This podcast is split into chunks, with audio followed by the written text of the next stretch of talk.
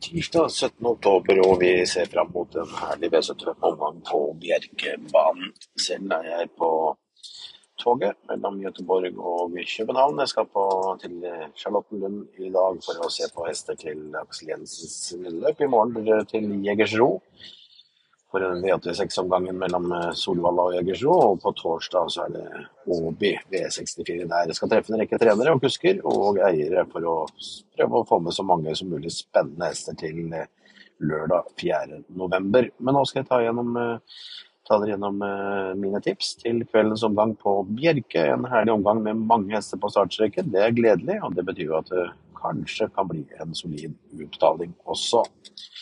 Første avdeling. Jeg synes tre hester skiller seg litt ut. Nummer seks Prins William. Veldig fin og eh, i god form eh, for tiden. Ove Bakkevold Reime styrer med stø hånd med hestene til Jonny Tygesen. Så han blir den klare favoritten. Men jeg syns også tre Borlaug Thor var veldig god sist gang. Første gang opp eh, med Åsbjørn Tengseid i sulken. Utklasset konkurrentene. Og en tilsvarende innsats vil rekke langt i selskapet. Outsideren det er nummer én Temian, som er usikker, men veldig god de gangene han går. Og spor én, det trenger ikke være en ulempe for startraske Temian, som eh, om han tråkker på det rette beinet og har en god dag, så kan han eh, lede dette løpet fra start til mål. Så jeg prøver meg på tre hester, seks, tre og én.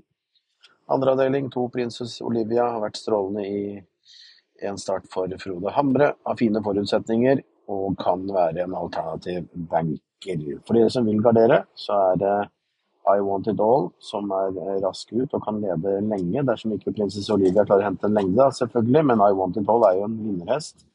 Rundt seks starter så langt i år. Ni Pingo Superb, også en vinnerhest som kommer tilbake etter litt pause. Innleder jo karrieren fantastisk godt i fjor. Har slitt litt etter det, men eh, det er en god hest i bunn og grunn, så han skal med på fire hester, for jeg tar også med meg nummer fem Diamond Dealer, som har et spennende løp. Og kanskje kan Ole Johan Øster overraske med å pille til tett. Kommer ut skoløs og med amerikanervogn, og da er jo hesten brålynrask fra start. Skulle den komme seg til tett, så er det ikke umulig at uh, Diamond Dealer kan kjempe helt i toppen. 2, 9, 1 og 5 i andre avdeling. Tredje avdeling, bare Mattis er en vinnerhest som ja, gjør stort sett ikke noe annet enn gode løp, men fra spor 11 så skal det klaffe litt på veien. Synes han møter et par gode hester i form av fire Frøyjerken, som eh, har fine forutsetninger. Byr han til for fullt hele veien, så kan han kjempe i toppen. Og, ny, nei, og syv TBs Trølltyr, som var god til seier sist gang og kan hevde seg med en tilsvarende innsats. Prøve meg på disse tre i treavdeling. Fjerdeavdeling, der kommer bankeren om igjen. Fine Wine Fashion. Strålende sist gang til seier nok en gang. Og sprint, ingen ulempe for Hamretraveren. Jeg tror uh, det er stor mulighet for at ekvipasjen leder fra start til mål, og er min sikreste vinner i kveld. Femte avdeling, seks Heimlervest. Litt variabel vinner om å gå feilfritt, og Christian Malmin kan være spennende på en sånn hest. Christian er, har et godt, på, godt, tak på Cadmus hester, syns jeg. Spesielt første gang han kommer opp uh, etter en stund. Så Hemmelig Best og Christian Malmin ritter etter favoritter, men jeg vil varsle skarpt for to Hassellinda. Som ikke rader opp seirer, men hun går noen stronge løp fra tid til annen, og hun var god sist gang. Så sporet kunne ikke vært bedre, og hun er sterk og tåler å gjøre litt selv. og Veldig lite spilt, syns jeg, dette løpet her. Syv Asak-stjerne og tre Nelson-rappen, og også øvrige garderinger i femte avdeling. Sjette avdeling, der kjører vi på en lås. To Allegritto, fire Dragonfly. Den av de som har best dagsform og får det beste løpet, tror jeg kommer til å vinne. Allegritto står finest til sånn sett i spor to, og eh, kanskje kan sitte tidlig foran.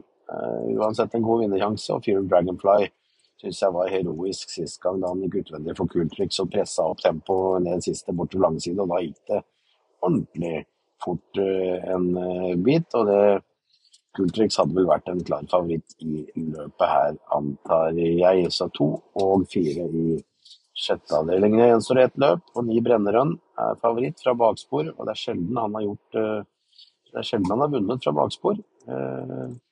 Så dette her løpet er veldig åpent. To strykninger er det blitt, men jeg ser på alle de øvrige ni hestene som vinnerkandidater.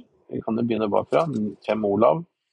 sprint og godt spor på han, det er jo ikke noe ulempe. Åtte Tangebraute, røker inn ett spor. Han kan jo overraske fra tid til annen, han også.